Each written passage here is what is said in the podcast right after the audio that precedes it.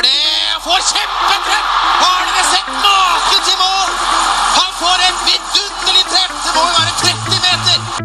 Hvis ikke du kom, så skulle Nei, men nå står jeg nå og tar imot oss. Jeg skal ikke gjøre jobben din. Jeg, jeg, jeg trener HamKam, og du jobber i NRK. Ja, Ja. Men jeg, har, jeg, har lov, jeg sier at jeg er skuffa over det, mener jeg. Det kom Da får du være litt skuffa over deg sjøl, syns jeg. Ikke begynne å ta ut det på meg at du ikke gjør jobben din. Altså. Det driter jeg i. Jeg er skuffa over at ingen på HamKam har snakka på TV i dag. Om du er skuffa, så skal dra med mamma og pappa. Ikke med meg. Til tippekupongen. Resultatet av den første kampen ble uavgjort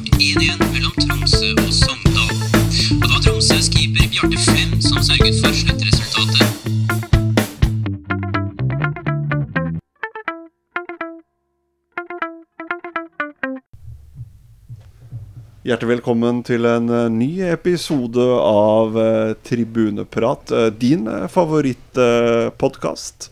Med meg i studio denne gang så har jeg deg, Christian Ruud Venneråsen. Velkommen. Jo, takk. Jeg må få lov til å takke deg for at vi nok en gang får lov til å bruke ditt studio her på Jessheim. Det er jo fantastiske fasiliteter. Jeg føler at jeg sitter i en blanding av et lydstudio, rockegarasje, bibliotek, roterom. Det er uh, Da har du funnet essensen i rommet her, ja. ja. nei, og så er folk interessert i å leie studioplass. Så eh, på Øvre Romerike så er det bare å ta kontakt. Vi er åpne. Ja, eller også øvingslokal til band. Ja, ja, for de, trenger, de trenger ikke ha trommesett sjøl engang, for du har jo det her. Trommesett og gitarer og Men du må spille og- skeivhendtgitar, da, hvis du skal låne gitaren din. Nei, Jeg har faktisk uh, høyrehendtgitarer i hjørnet her også, så det Selvfølgelig. Ikke tenk på det. det vi har alt dekket der sånn. Ja, det gøy å være tilbake. Uh, Ja. Dette er episode to. Ja. Uh, to uker etter at vi spilte inn forrige. Ja. Det skal sies at uh, episode tre, som kommer senere, er jo allerede spilt inn, så vi har jo sittet her i nesten tre timer. Så vi drar og lurer på hva skal vi ta for en sånn runde sånn Introduksjonsrunde Ja. nå, ja. ja men, eh, Så jeg føler jo egentlig at det blir jo litt omvendt. Altså at uh, det som kommer neste episode, er jo egentlig det som har skjedd siden Det som egentlig har skjedd siden sist. Ja. Da er jo at eh, jo, vi har spilt inn en episode. Ja. forvirrer du både lyttere Ja, og Og ikke minst uh, deg, eh, Lars Eilertsen, midtstopperen fra Lørenskog. Uh, hvordan er det med deg? Jo, det er bra med meg. Jeg gleder meg veldig til uh, denne episoden. Ja. Det blir spennende. Mye på programmet, ja. så det blir, det blir gøy. Mm. Og Raymond Larsen, tidligere toppspiss i Hamar IL, som tidligere nevnt. Lengre overkropp enn eh, bein. Hvordan er det med deg? Jo, takk for at du poengterer det. Eh, jeg har det bra. ja Nå har du lov med treningskamper igjen. Ja? Så nei, vi har det veldig bra. Så veldig takknemlig også jeg, også jeg også for å være i studio her, som, som jeg du traff bra på, syns jeg. Ja, jeg vil også påpeke overfor eh, våre lyttere at eh, vi eh, til en viss grad overholder smittevernsreglementet til staten. Vi har kanskje ikke helt en hel meter mellom Raymond og Lars, men vi kan vel sitere Ari Behn på det, at det er en gyllen halvmeter. Ja. Eh, mitt navn er eh, Petter Olavsson, og jeg har eh, fortsatt den store ære av å forsøke å lose dere alle sammen gjennom denne favorittpodkasten deres. Denne podkasten skal ta for seg noen få ting, men allikevel såpass interessante at, og ikke minst aktuelle at vi håper at du finner det interessant. Vi har eh, også fått inn eh, noen eh, lyttespørsmål, og vi skal også sette i gang noe så spennende som en fast spalte. Aller først så skal vi ta opp det første aktuelle temaet. For i dag så ble det kjent, altså i dag eh, 28. mai 2020, ble det kjent at Vegard Forhund og Molde fotballklubb ble enige om å kansellere eller terminere kontrakten dem imellom.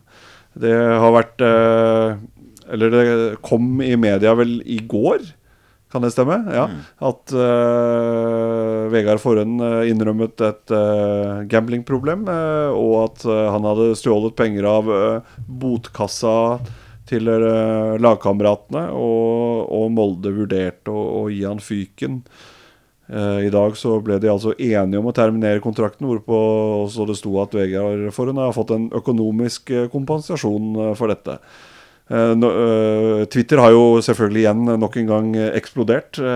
fordi man Ut fra det som sto i går, så var man jo ikke helt enig i at man Man dro inn SAR-saken, da, hvorpå Molde har blitt beskyldt for å beskytte en en påstått eh, Vi kan ikke si dømt, eh, for det er han jo ikke, men en påstått voldtektskriminell.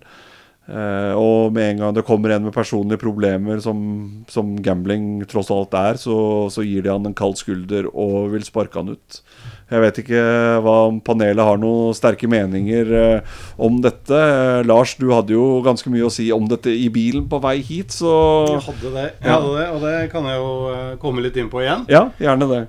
Ja, nei, det jeg tenker Det virker veldig drøyt at Molde skal kaste han ut på bakgrunn av det vi har fått vite eh, gjennom media. Eh, vanskelig for å tro at det der er hele historien. Eh, at en så profilert spiller, og som med så mange år i Molde, og høyt elsket og alt det greiene der blant fansen der oppe, at han skal kastes ut på bakgrunn av det, eh, da er det noe vi ikke veit, tror jeg. Og det kan være f.eks. at Molde har, eh, tenker at ja, men vet du hva, han her trenger vi egentlig å bli kvitt. Det er bedre på den måten enn enn, eh, at han skal være her. Hva grunnen til det kan være, vet jeg ikke. Han holder eh, et godt nivå fremdeles, selv om han begynner å bli gammel. Eh, men det kan jo være at dette her har slått så hardt ned i spillergruppa at det blir tøft å jobbe videre med forhånd i garderoben og på banen. Eller det kan være at eh, den eh, koronapausen som vi har hatt nå, har eh, gjort at den fra før av trange shortsen til forhånd har blitt enda trangere, og at det faktisk kan være bakgrunnen for at man velger å gå til noen skritt. Jeg, jeg vet ikke, så det, det er bare spekulasjoner, men jeg er helt trygg på at vi ikke veit alt om den saken der. Det er jo det som er så vanskelig med slike saker, personalsaker. Eh, man får ikke det fulle forklaringa, fordi det er én part som rett og slett ikke kan uttale seg. Eh, og det er Molde fotballklubb i det tilfellet her. Det blir jo litt samme som man leser om uh, barnevernssaker. Så får man bare den ene forklaringen. fordi Uten det er- sammenligning for øvrig. Ja, ikke sant? Ja. Ja. Men, eh, fordi det er, eh, det er en part som bare ikke kan uttale seg her, da. Mm. og det kan ikke Molde i den saken her, sånn. Eh, Og det er bra, sånn skal det være. ja. Ja, det er viktig. Mm. De, men men eh, så kommer sikkert sannheten litt på bordet litt etter hvert, kanskje. Vet ikke, men eh, Han skriver sikkert en bok. Kommer en bok. Ja, Ja, ikke men, sant. men det er jo det som er at foreløpig så har man fått hans sin forklaring på det. Han gikk jo selv ut og var åpen på hva dette er. For det var jo det ble meldt at det var et møte mellom Forhen og klubben. Ja. Men at det skulle handle om en personalsak, så er det selv han som går ut i media. Og da kan man kalle det modig. Mange gjør det. Eh, Jeg si det er tøft for hans sin del. Eh, samtidig som han gjør jo dette her litt for å redde sitt eget skinn, tenker jeg da. At eh, nå går jeg ut og innrømmer mine problemer. Og få litt sånn offerrolle i dette her. Ja, da kan jeg også da, tenker, da kan jeg også styre situasjonen og storyen på en helt annen måte enn at jeg blir liggende etter og måtte jobbe med ryktene som kommer. Ja, for det ville komme ut noe. Eh, før eller siden så ville media få vite litt om hva som har skjedd. Og da er det bedre at det kommer fra han enn det kommer fra andre, for da stiller det han i et helt annet lys. Men det er, jeg at det er jo en trist sak uh, for absolutt alle involverte i den her. Uh, spilleren selv, familie, venner uh, som da har stått opp i dette her, og klubben som må bryte kontrakten tvert med en spiller som har vært i, der i mange år og vært en profil i klubben, og også vært med å løfte klubben til hva det er i dag, til den giganten som de er i norsk fotball. Um, og som sagt så er det veldig vanskelig å skulle uttale seg om hva som er eh, hele sannheten, fordi Molde vil aldri kunne uttale seg om deres syn på det. Men det, det har jo blitt lekket lite grann. Uh, det som har kommet fram, er jo at han har jo hatt et gamblingproblem, uh, som han har vært åpen på. At eh, det har pågått egentlig hele karrieren. Eh, og det har kommet til et punkt hvor Tidligere så har det vært punkt at eh, han har vært avhengig av venner. Og da tenker jeg altså lagkompiser. til å hjelpe han ut med gjeld. Og kommet til et punkt hvor han har som botsjef uh, hatt uh, rådgang til ganske mye penger og brukt av dem til å betale sin egen gjeld. Og det er det som da har gjort at han har fått sparken. Og så er det, som man kunne lese, at det er uenighet uh, hvorvidt, hvor mye som har blitt tatt. Uh, det som har kommet at Molde mener det er 100 000 som er borte fra kassa. Forre mener at det er mye mindre. Uh, Molde mener at selv om dette er en botkasse som spilleren har betalt inn, så er det klubbens eiendel. Mens Forren har jo da argumentert for at det her er jo spillerne sine penger. Og det, At det, det ikke er et, skal gå utover arbeidsforholdet. det må- jeg, det jeg tipper eh, at eh, du, Lars, har et poeng når du sier det at, eh, at eh, spillerne har eh, sagt fra at eh, vi ønsker ikke Jeg tipper at han har fått en altså, motstand hos spillergruppa. da At ikke de har tillit til han som eh, Hva skal jeg si kollega lenger. da Ja, for det jeg tenker er at det, Han sier jo selv i sitt intervju at han var ærlig for klubben at man hadde tatt penger da han vært tidligere i vinter. Ja. eh, og lagt kortene på Men så kommer det også inn nå at eh, klubben har jo etterforska det her etter tips fra spillerne. Ja.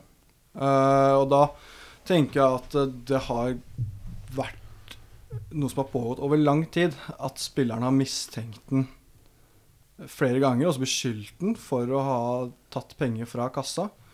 Hvor han da sikkert har nekta. Men så har det til slutt kommet til et punkt hvor klubben har stilt den litt sånn til ansvar. At det, nå må sannheten frem. Men ja, det blir jo bare spekulasjoner Ja, fra min Det, det gjør det, men det er jo det vi driver med her. Så, så det må jo være greit. Eh, ingen som har eh, fasiten på dette utenom de som er involverte selv.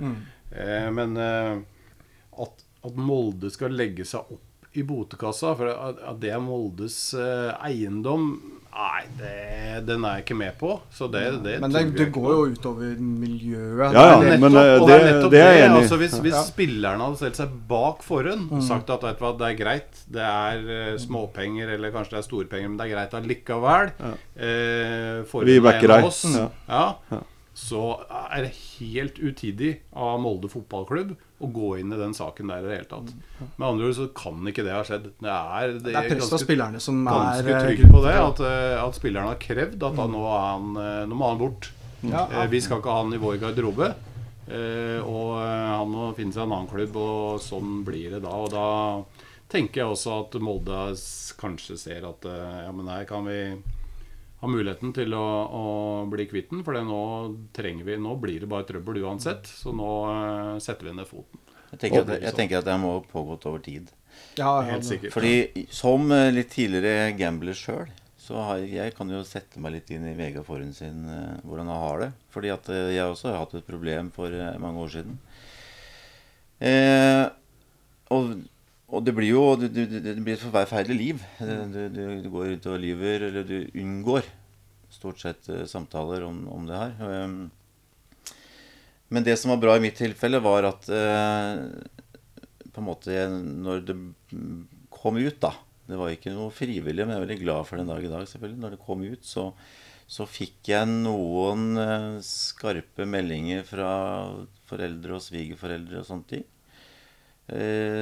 Men en veldig hjelpende hånd, som var veldig viktig for meg. Mm. men jeg måtte også få de litt eh, krasse eh, blikka og, og ordene fra, fra foreldre og svigerforeldre, da. Ta deg sammen! Ja. Ikke bare det, men, men at men, men på, det viktigste jeg satt igjen med der, at det, dette kan du ikke gjøre igjen. Og det er det jeg kanskje tenker at du får en Dette veit vi ikke. Han har nok vært der, tenker jeg. Dette gjør du ikke igjen. Og så har du ikke klart og, og, ikke, du, du må fortsette, da. Og så har det kanskje skjedd enda en gang, og til slutt da, så hadde jo ikke jeg sittet med sikkert kone ikke sant? Hvis det hadde gått så langt. Kompiser eventuelt. Foreldre som kanskje ikke var så glad Så det er ganske ekstreme ting da, som man opplever i en sånn situasjon. Men det er jo Jeg priser meg lykkelig for at jeg da Det var veldig enkelt. Takket være de rundt meg. Sånn at jeg, jeg vil ikke tro at Molde bare basert på at nå kom det her ut nå kvitter vi oss med den. Det går ikke. Det er, så hjerterått er ikke uh, verken spillere i Molde eller ledelsen eller styre og stell der. Det kan, det kan det ikke være. Så det må være en prosess som har gått er over lang tid, altså. Så det, men nå er, nå er liksom begeret Han klarer det ikke. Eh, han får en pakke nå, kanskje som sletter gjelda hans, og så får du starte på nytt et annet sted. Men her går det ikke lenger. For sånn som det ser ut nå, så ser Molde ut som verdens verste fotballklubb. Forferdelig. Og Ja. det er, Det- det det er har folk gjort som en stund jeg fra før av. Men, Ja, men Det er fordi de har et frysende rykte, for de har gjort mye dumme. Men nå skal vi Det er en ny ledelse i klubben. Uh, det kan være at det her er et skritt i riktig retning, selv om den fremstilles som slemmingene her sånn, da. Uh, vi snakker om at Han har jo vært åpen om dette tidligere også, at han har slitt lenge.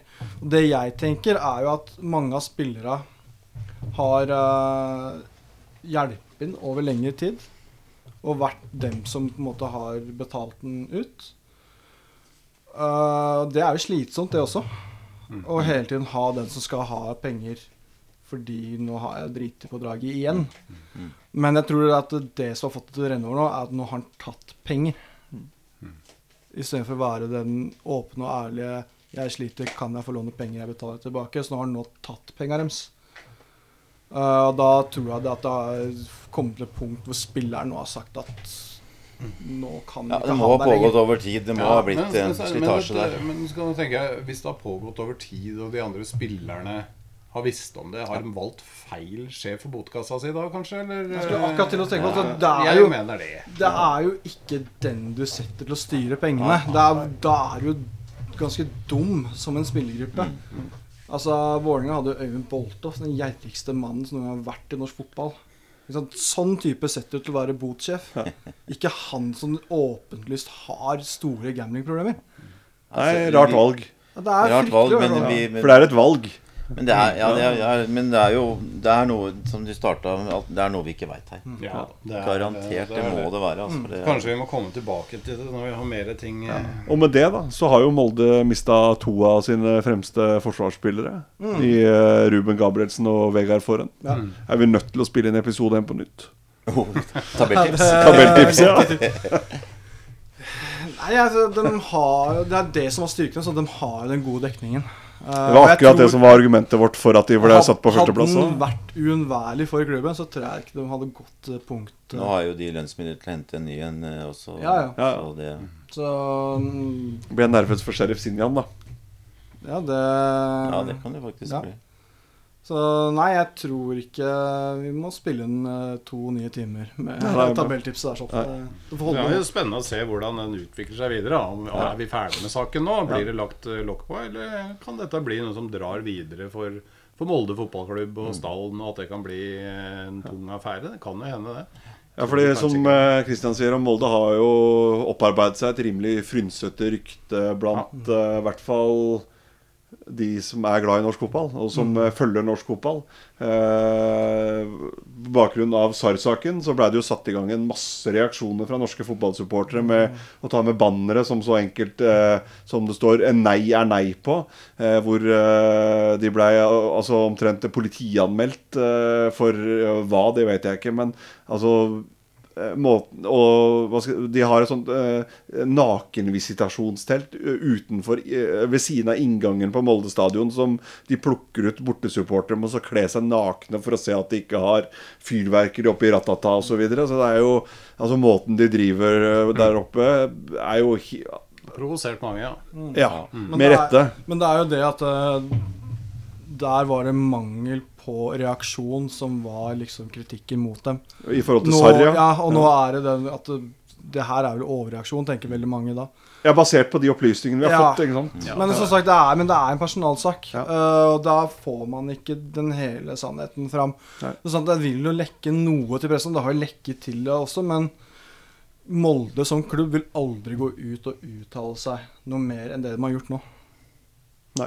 Nei, vi får se hvis det Det spørs hva slags beskyldninger det kan eh, Jeg tipper at eh, han har fått en grei sum.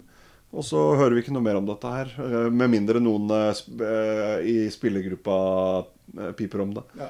Jeg tipper, at, eh, jeg tipper at Vegard Forhen eller Molde fotballklubb ikke snakker noe mer om dette her. Ja, men Det sies jo at eh, spillerne i troppen har fått munnkurv på akkurat denne saken.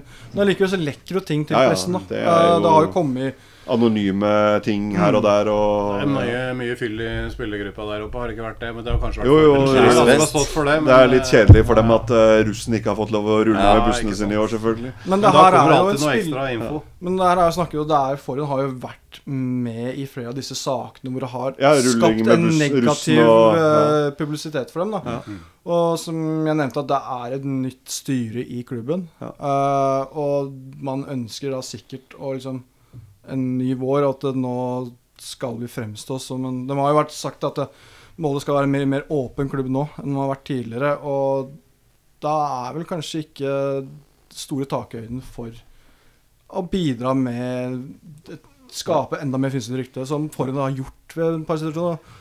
Ja, du Ruben tenker på festing og ja, ja. og Ruben Gabrielsen også som forsvant. Det har jo også vært Ja, det- nevnt ofte i disse sakene. Men og eh, helt ærlig, hva ellers skal du gjøre i Moldeby? Det er jo et godt poeng. Men, eh, Det er Det er jo sa, han har jo maksa ut eh, alt av karrieren sin. eh, med Ja, det, jeg, jeg syns at han fremstår som en useriøs eh, toppidrettsutøver. men da kan man spørre seg, da, har dette hatt påvirkning på karrieren på andre måter? Han har vært to turer over til England. Eh, veldig korte turer, for En har ikke spilt et sekund. Ja, men han har fått gode sign-on-fees, da. Ja, men uh, har den livsstilen her vært avgjørende for at det ikke har blitt noe mer i utlandet? At uh, det ikke fort ble noen minutter? At uh, man klubbene har Når det første han spør lagkameraten om å få låne penger, så kanskje ja. ja. Nå var jeg litt stygg, Vans men uh... å, Det er vanskelig å si noe om det. Eh, han var jo Southampton, og vi har hatt en norsk spiller der før som har eh, klart seg til tross for eh, en beinhard eh, livsstil ja. underveis. Ja. Eh, hakket verre enn bare gambling. Bare sant? i Ja, ja. anførselstegn. Ikke sant? Ja. Så eh, nei, det der er ikke godt å si eh, om han kunne nådd lenger. Det er, det er alltid morsomt å spekulere i de spillerne som man tror er litt usikre. Hvor langt kunne de nådd, osv. Mm. Sånn er det morsomt å tenke sjøl si. også. Hvor langt kunne Ja, man det nå? jævla, Ja, ja, ja. seriøs, ja, men Ja. det kom ikke lenger. tenker jeg. Så bare Hadde det ikke vært for øl og hamburger, så Yes. hvor kunne jeg vært den? Ja. Men det viktigste i saken her er at Vega Vegard Forhen får skikk på det her og Ja, blir absolutt. kvitt dette problemet. Ja da, og nå er det jo selvfølgelig snakk om andre klubber, og han eh, Og alle vet da at det, det, er jo klassisk Vålerenga-signering, dette Ja, her. det er det. Men vil det være så lurt for han, da? Uh, Oslo by. ja, ikke sant? Med de utfordringene det har. Og det er en grunn til at det tiger om. Det spørs, spørs eh, litt da om han har nådd det båndnivået som, han, eh, som alle mennesker sikkert har. Eller kan han ta det enda lenger ned? Eh, i, Ja, hvis han signerer for Strømmen, så vil jeg si det. Men nå, men nå, nå vil han forhåpentligvis få hjelp. Ja, Eh, det, han vil, det gjør han jo, men Ja. altså, vi snakker her om Han er en voksen mann, 32 år, 32, gift, ja. barn, hus uh, i Molde, en kone. Det var jo noe av gru, det han påstod var grunnene til at det hadde blussa opp igjen. Og at kona, kona åpna en butikk som gjorde at hun eh, hva skal jeg si, Han måtte ta mer ansvar hjemme da enn hva han var vant til. At det var en helt annen livsstil for han. Han var mye mer alene. Eh, I tillegg til at han da spilte mye mindre enn han har gjort i tidligere år. At det var en avgjørende faktor for at det blussa opp som det gjorde nå. Og er familien villig til å flytte overalt? Hvis hun da har etablert seg som hun har gjort i Molde, da. Eh, så det eliminerer det veldig mange klubber. Og Jeg tror det er, er den villig til å sjansen på å dra til en by som Oslo, hvor det kan være nok av fristelser? Men eh, hvis du har klart å falle for fristelsen i Molde, så får du til overalt. Og betting kan du drive med overalt, så det, det tror jeg ikke Ja. er noe problem. Hvis, du, hvis han signer for Kongsvinger og blir sittende i den byen der, liksom, så, så er det god sjanse for å bruke tid på, på å bette. Så, så det tror jeg ikke spiller så stor rolle. Og Uansett hvem som signerer han nå, så kommer de til å ha ganske klare klausuler. De, har, de vet om problemet, de vil følge, han vil følges opp tett osv. Så, videre. så det, det tror jeg i og for seg går, går bra. Han har jo et par år igjen å gi, i, i hvert fall. Så Det tror Han sier jo det selv også, Ja. at han er ikke ferdig litt selv. Nei. Kan hende han kommer ut som en jo- bedre versjon. Ja. er det, det er jo et uomtvistelig faktum. da Han trenger penger. Så han må jo signere for noen. Mm. Han er neppe helt stinn. Ja, nei, vi vet jo heller ikke hva den eh, kompensasjonspakka Nei. Nei, Men jeg tipper han tjente godt, gode penger. Ja. Så god er nok ikke den kompensasjonspakka, for jeg tror ikke han sto med så veldig gode Sterke kort, nei. nei. Han hadde ikke beste korta på hånda, nei. Nei. Men eh, Det er vel ikke noe poeng i å konkludere med noen verdens ting når vi ikke kjenner hele historien, så vi Skal lar vel være eh, forsiktig med hva man sier, for plutselig så spiller han for uh, Spiller han i, i de fargene man uh, er og ser på selv. Så, Ja, men ja, eh, hvis han er god så, og får skikk på problemene, så gjør ikke det noe for min del. Det, altså, ja. Det Så lenge han eh, Beholder barten. Altså, det, det er jeg, jeg, Hæ? Så lenge han beholder barten. Ja, barten er viktig. Barten er viktig Og det er litt sånn frynsete hockeyhåret, så går det greit. Altså, ak han er alltid som han akkurat har våkna. Han, ja. ja nei, det er kanskje derfor jeg ser på han som en sånn useriøs idrettsutøver. For han ser useriøs ut han, den og det han har jo tross alt sittet oppe halve- hele natta og gambla. Han har Ja, ja, ja. Han ikke akkurat våkna, han har ikke lagt seg. Nei. Nei, Vi kan gå videre, da. Det, dette var jo et eh, ønske fra Christian om å nevne Eller dette temaet vi nå skal ta opp. Og det bringer jo oss inn på en klubb eh, og en kamp eh, sikkert igjen også, som Raymond og jeg ikke er så lyst til å snakke om. Kvalifiseringskampen mot eh, Start. da Du vil jo snakke om klubbdrift og det som har blitt aktuelt for Start. Men jeg altså, dette her startet jo for meg den dagen de eierne eller investorene kom på banen som kalte seg Start en drøm. Uh, Endra klubblogo, altså gjorde om he altså de, de snudde opp ned på hele Altså Start er jo en stor og tradisjonsrik eh, klubb eh, i Norge. Eh, og- skulle gjøre om alt. Det var noen sånn løvelogoer der og noe styr og stell som de ikke klarte å banke gjennom. Men det blei noen sånn kvasiløsninger på markedsføringslogo, klubbdraktlogo og Disse eierne var vel de som gjorde seg ganske rike på betting. Ja, akkurat det jeg skulle Eh, prøve ja. å si. At det er apropos gambling. Så ja, det er der det de tjene overgang. sine. Smooth overgang, ja. Takk for den. Jeg tok ikke den selv, men det er godt jeg har et eh, godt panel her. Eh, vi skal altså eh, debattere IK Start, eh, men eh, før jeg gir eh, ordet til deg, Kristian, så vil jeg gjerne gi meg selv litt eh, ros. I eh, forrige episode så, nevnte, så snakket vi om at eh, Damon Love ikke hadde kommet tilbake fra en eh, reist Abs uten absence without leave. Uh, og da sa jeg hvor lenge er det før han er borte fra klubben? Og så var det noen i dette panelet Og nei, det går nok ikke så fort. Eh, jeg husker ikke hvem det var. Det var Christian, ja. ja. Uh, og, eh, Damon Love er nå terminert fra kontrakten med IK Start. Uh, de har altså på, på en måte gitt fra seg sitt eh, største salgsobjekt. Ja, det, ja, det er akkurat det jeg skulle si, At det er jo Det er jo liksom det heteste salgsobjektet man hadde, eh, og det lar man da gå. Eh, så Samtidig så har man gitt Stig Lillejord eh, litt sånn frie tøyler til å gjøre hva han vil med spillere inn og ut i klubben. Og Stig Lillejord blir jo ikke en ansatt, han er en agent. Han er en agent, ja. eh, som skal komme med råd til spillere inn. Han skal bistå klubben der sånn. Han skal også være den som får spillerne ut. Dette er jo også en agent med flere spillere i stallen der sånn. Og han har jo allerede vært aktiv. Ja, det skjedde i dag, det. Ja. eh, man- Eller i går, vel? Ja, i går og i dag, ja. Bergan fra Bodø-Glimt, Ja. som uh, Stig Lillejord har gått god for. Og hjelper Start med å få inn. Ja. Uh, samtidig som da han har representert Marius Høybråten uh, som spilleragent, og fått han inn som erstatteren i Bodø-Glimt. Fra Sandefjord. Ja. Ja. Fettsund-gutten, når vi først sitter på Romerike. Ja. Så det er jo en mann med mange hatter, og det her er jo en måte å drive klubb på som er helt høl i huet. Vi snakka jo også forrige gang at det, det var litt sånn trend som var i ferd med å komme, at man gikk fra agent til sportssjef. Nå veit vi at uh, Tor Kristian Karlsen hadde jo sportssjefstillinga i Start. Ja. Uh, der ble det jo nevnt at eh, før forrige sesong, når bråket med Kjetil Rekdal starta, så var det litt pga. Tor Kristian Karlsen at han var veldig fraværende. Mm. Han bodde jo ikke i Kristiansand, han bodde i Oslo og krevde da å få eh, daglige rapporter fra Kjetil Rekdal. Uh, det var ikke han typen til å levere slike rapporter. Og Tor Christian Karlsen ble altså beskyldt for å være fraværende.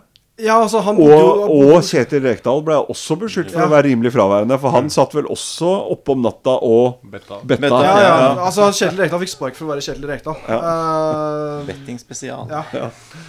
Uh, nei, altså, men det, slik jeg hadde skjønt det, så hadde han mot slutten en mer sånn speiderrolle. At man hadde ikke noen klar sportssjefrolle. Og Det er Atle Roar Haaland som fikk den kombinert med noen annen stilling nå i vinter. Og så har jo det på en måte blitt Når du da henter en agent som skal styre dette her i tillegg, så Altså, det er en rørete klubbdrift, da.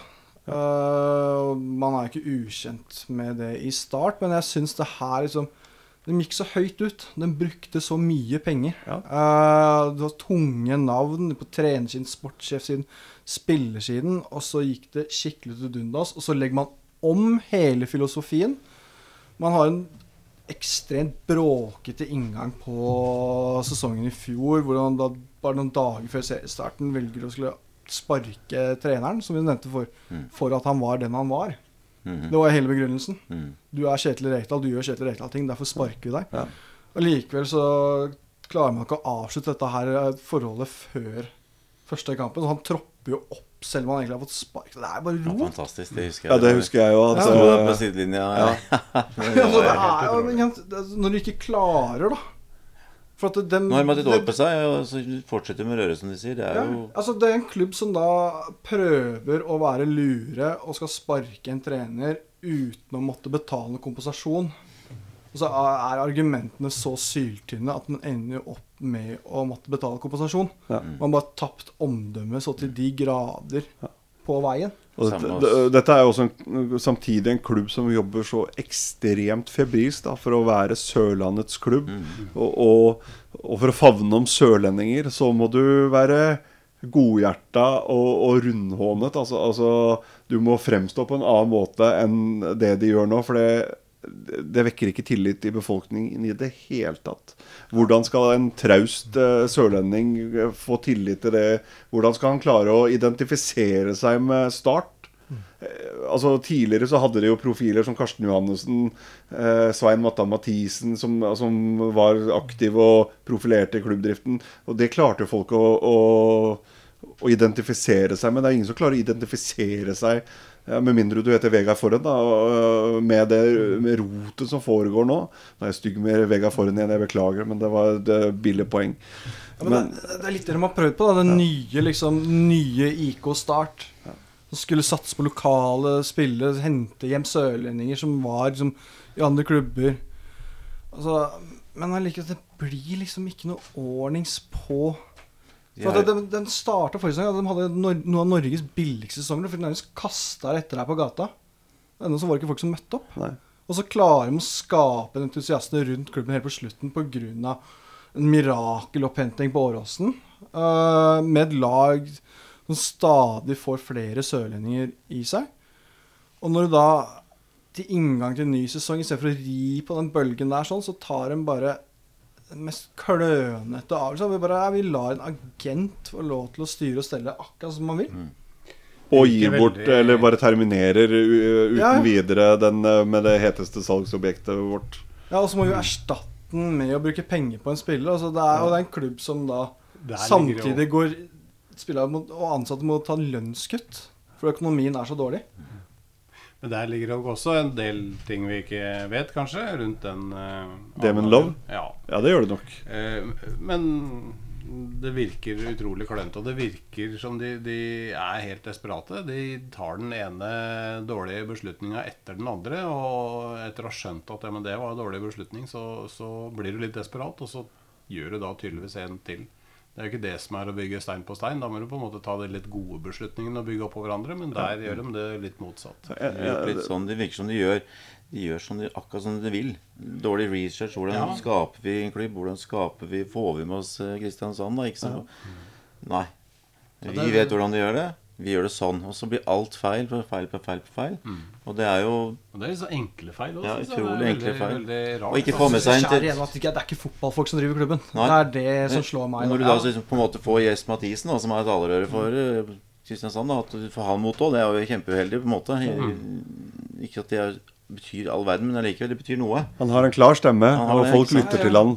han. Ja, men altså, Man gjorde så mye rett. da At uh, Helt i starten Erik Mykland inn i sånn ungdomsavdelinga. Ja, Strømstad. Ikke Strømstad, sant? Inn der, få inn de lokale heltene. Og så, altså, man gjør Man tar ett steg frem, og så tre steg tilbake igjen. Ja.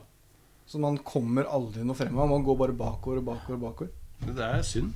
Ja, det er synd for eh, et lag som Start, som er veldig få som har så mye imot, tror jeg. Ja, det har vært mitt, la, la, mitt lag nummer to i mange år, helt til de fucka opp den logoen. Da orka jeg ikke mer. Men, eh, mer men eh, i og med at nei, det, det, er, det er sånne ting som betyr noe for meg. Men altså, Jeg har jo hytte på Sørlandet og alltid fulgt med Start. Da, ikke sant? Og det er jo sånn det blir. Man får noen sånne rare konstellasjoner. eh, Sånn er fotball. Det kan ikke forklares, da, for det er mye med hjertet. ikke sant?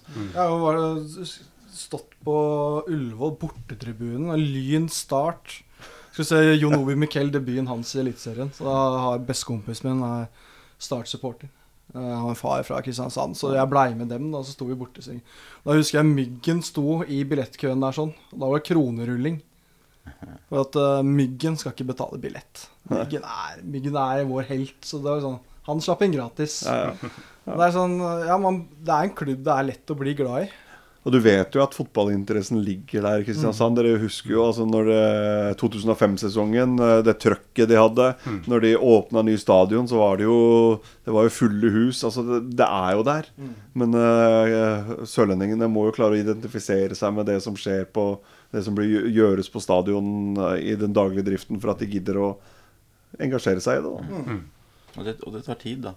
Nå som de holder på. Det tar tid nå. Ja, ja. Altså, det tar lang tid før det de. Ja, veldig lang vei å gå. Men det betyr bruker- det at du har et lag i Eliteserien likevel i år, da, eller Petter? Jeg har jo ikke det, da. Nei, takk for det. Du må tenke. Nei, jeg har jo, nei, jeg har jo ikke det, da. Nei, det er, det er trist. Og det samme med intervjuet og sånn også, ikke sant, når de blir konfrontert med det med, med, med agenten og så sier nei, det ser vi ikke noe problem med. Mm. Og ikke, ikke svar det. Fordi at du vet at det blir problemer. Jeg er sikker på han vet, han som stilte spørsmål. Jeg husker ikke hvem det var. Og så skjer det en uke etterpå. Mm. Så er det jo tull med en gang.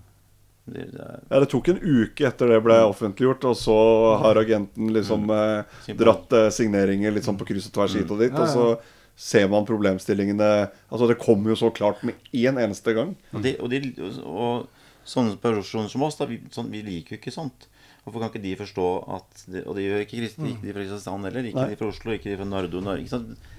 Sa du Nardo? Ja. Jeg kunne kan ikke ta, jeg kan ikke ta, jeg kan ikke ta Narvik i Vi har, vi har lyttere fra mange steder. Jeg vet ikke om vi har så mange fra Nardo. Ja, Altså. vi har noen fra utlandet, i hvert fall. Ja, ja. Ja. ja, vi har noen fra en liten shout-out til uh, vår faste lytter i eh, Sør-Sudan, hvis det er lov å si. Fast lyttere etter én episode. Ja, ja, det, hvis han har lytta i en episode, så er han jo fast lytter. Ja, ja, ja, Hørt alt. Ja. Vært med fra den spede begynnelsen. ja, det er hyggelig å høre at vi har eh, lyttere verden rundt. Ja,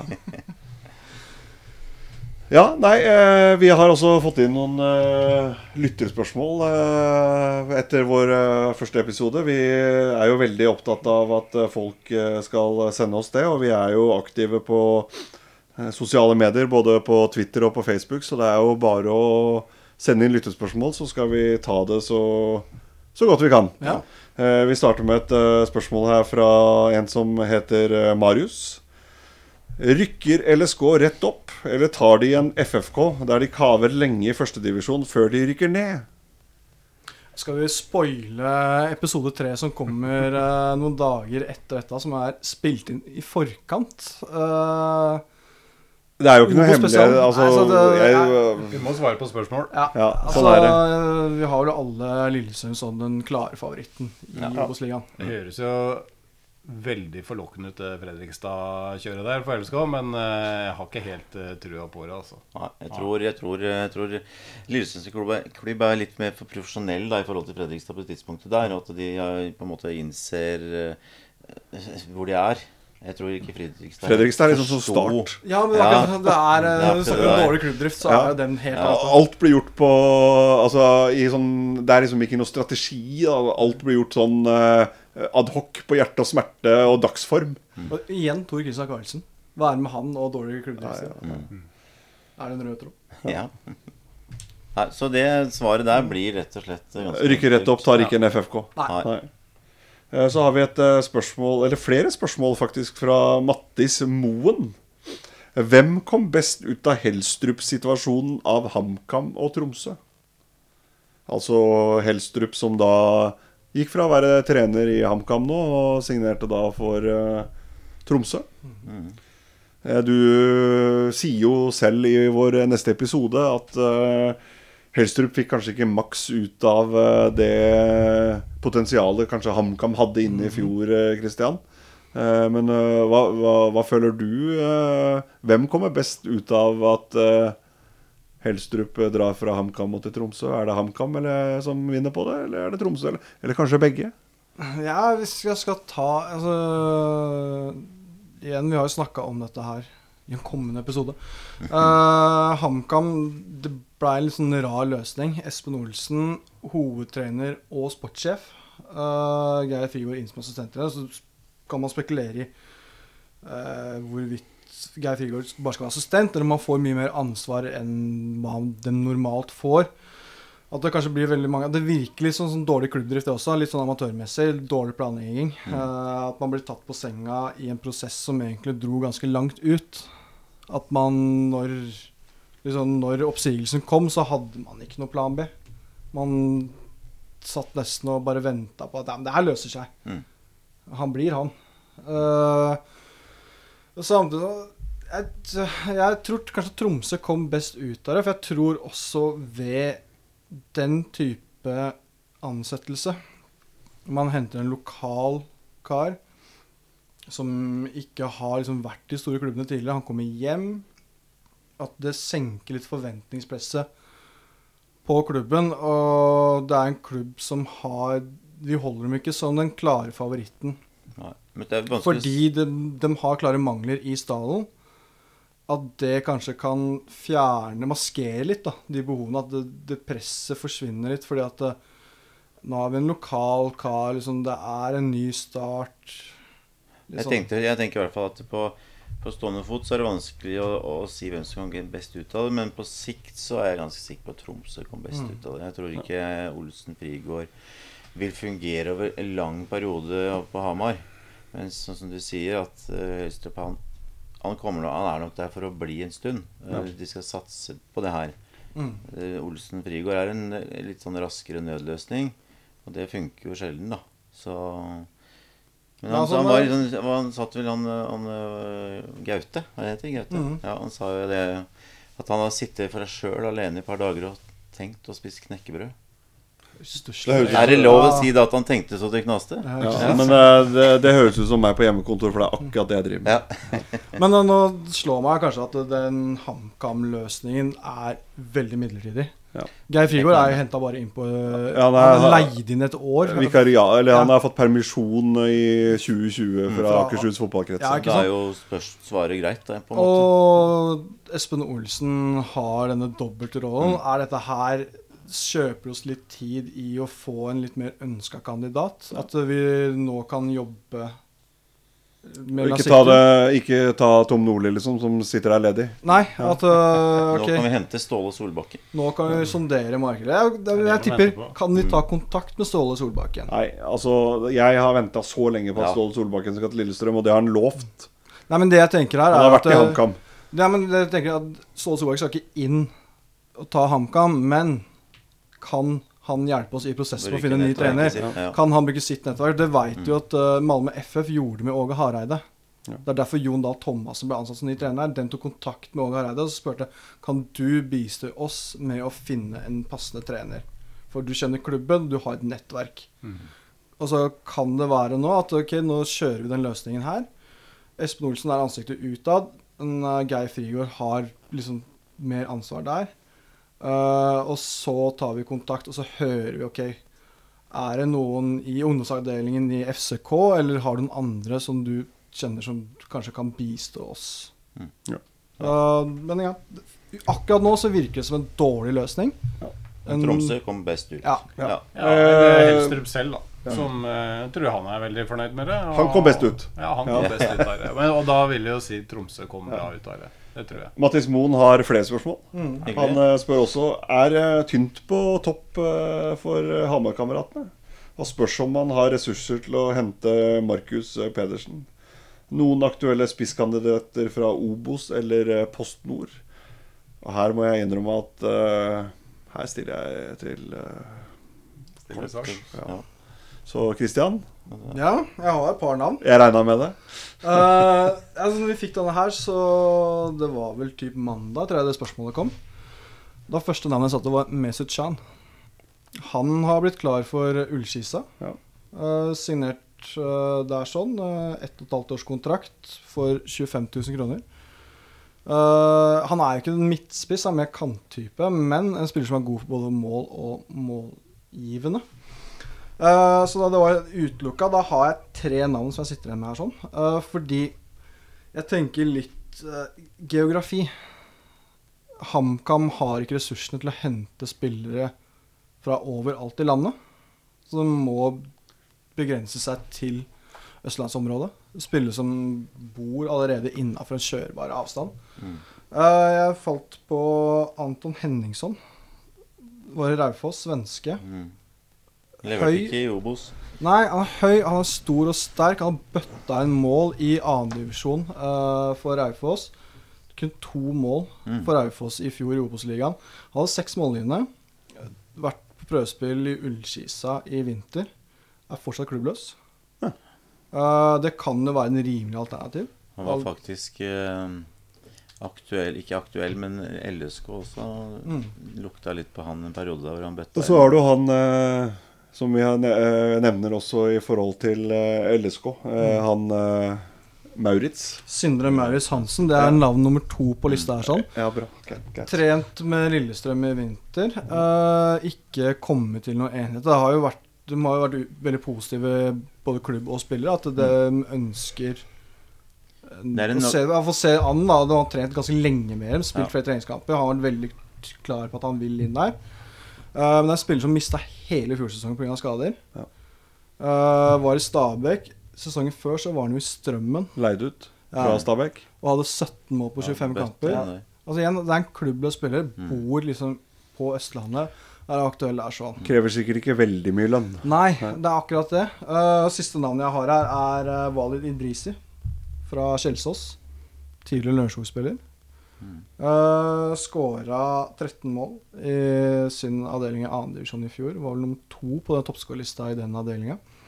Uh, det er en spiller som har trent på Sandefjord i vinter, uten å få kontrakt der. sånn Og Da tenker jeg at altså, HamKam har kanskje ikke den største lommeboka i verden. Jeg tror de har nok til å lokke spillere fra Kjelsås. Ja. Så det er de tre navnene jeg kan ta på stående fot. Tipper Mattis Moen er eh, godt fornøyd med det. Han har et uh, siste spørsmål som jeg skal utfordre Lars på. Hvor, med hvor mange poeng kommer LSK til å smadre ÅFKs poengrekord fra i fjor? Nei, det um, tror jeg ikke de klarer, faktisk. Nei. Nei, jeg tror ikke det. De burde, de burde helt sikkert kunne klare det. Eh, men eh, det, det var overbevisende, det Ålesund drev med i fjor. Eh, og nei, jeg tror ikke de klarer det. Eh, og hva skal vi skylde på? Kanskje korona? Nei, vi får, det er masse å skylde på hvis det går gærent i år. Ja. Det er jo ikke så Ålesunds hjemstatistikk 15 strake seire. Den er leid uansett. Da, helt, ikke sant? Det er 45 poeng der. Og, men jeg tror, jeg tror likevel at, at det, Jeg tror at eh, de kan komme tett opp til igjen. Mm. Mm. Og så har vi uh, Joagull, som har eh, to spørsmål. Han starter med 'Obos er for bønder'. Det jeg forstår ikke. Eh, hva tenker dere om keepersituasjonen i Vålerengen? Styrke eller svakhet med to ca. jevngode keepere? Eller jevndårlige, som alle, alle andre vil si, da. Eh, jeg kjenner svært lite til eh, keeperne i Vålerenga. Lars Kristian, dette er kanskje mer deres eh, domene. Det, det er vanskelig å påstå at det kan være en svakhet å ha gjengode keepere. Eh, tenker jeg, Så kan jeg si ja, men er ikke nivået godt nok da på en av de?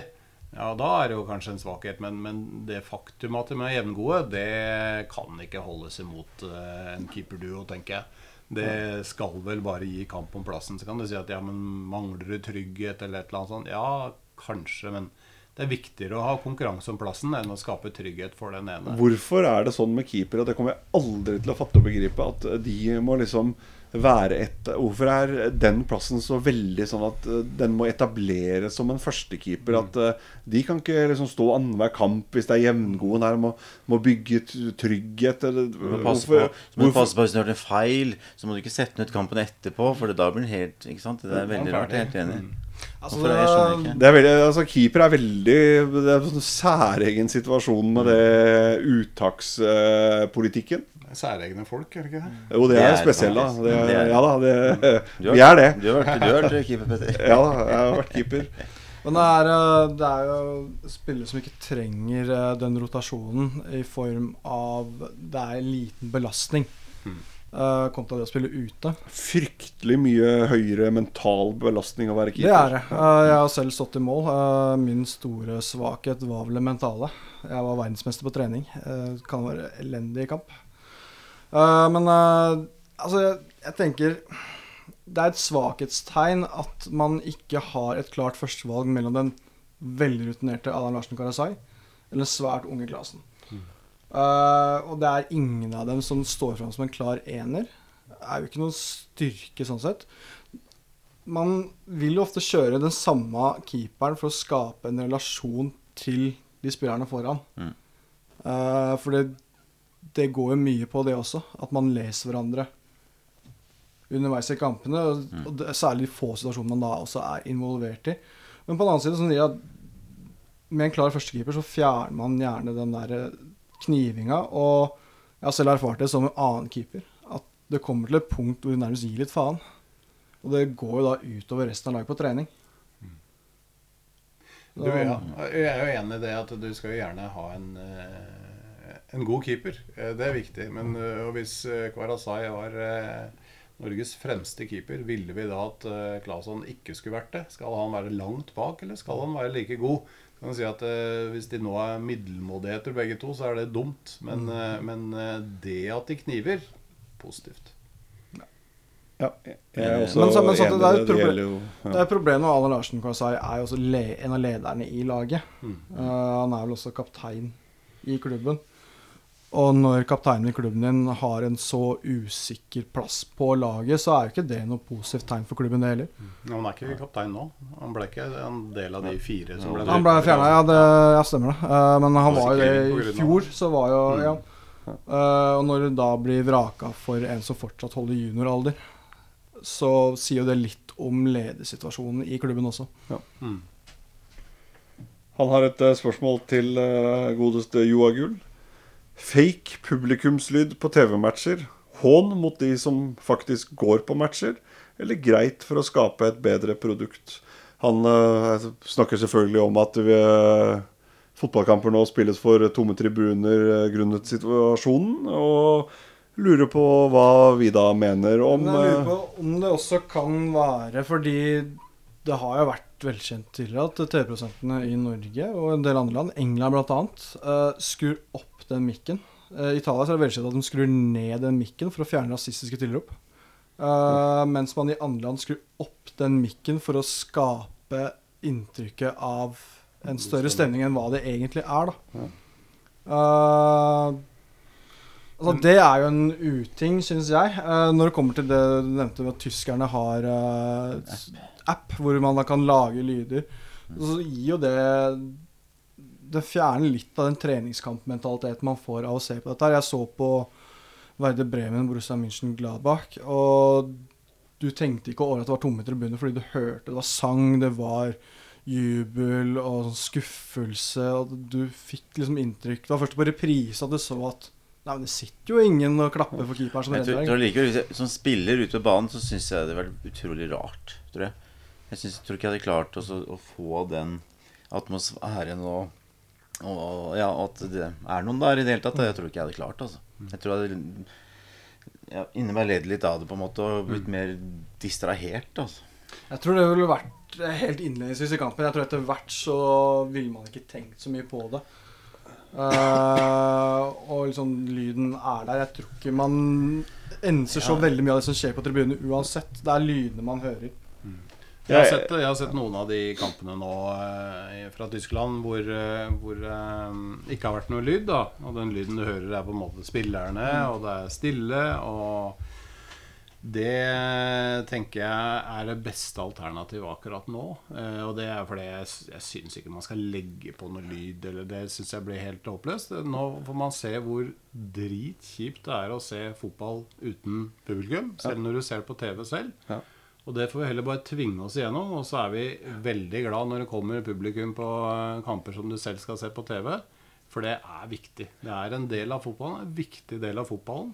Eh, Kan aldri Det er fotballen. Ja, det er det. Og det eh, Ja. Ja, det er det.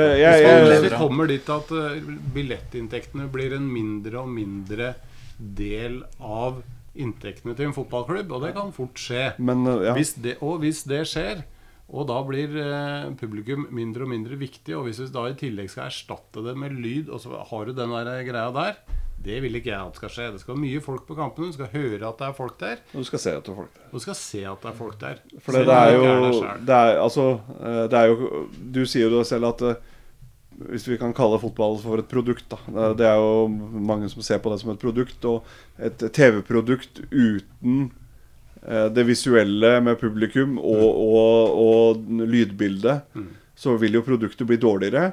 Og da, da vil man igjen eh, bygge verdien av det å ha tilskuere på Yes. banen. Så hvis produktet blir dårlig, så vil jo også de eh, markedsinntektene gå vesentlig nedover, selvfølgelig. Fordi da får man jo ikke samme TV-inntektene, for folk er ikke interessert i å se på. Og det er det Og da detter jo også reklameinntektene ned. Men det er jo det de er redd for nå også. det er jo en symbiose. Ja, men det er jo ja, ja. Eh, Men i det lange løp så tenker jeg vis drit nå, så blir det bedre etter Så skjønner folk hva, er hva verdien med dette her er. Ja, det tror jeg folk får sett nå. Ja. Er det en som. Det er ikke så veldig nyansert, men det er satt veldig på spissen.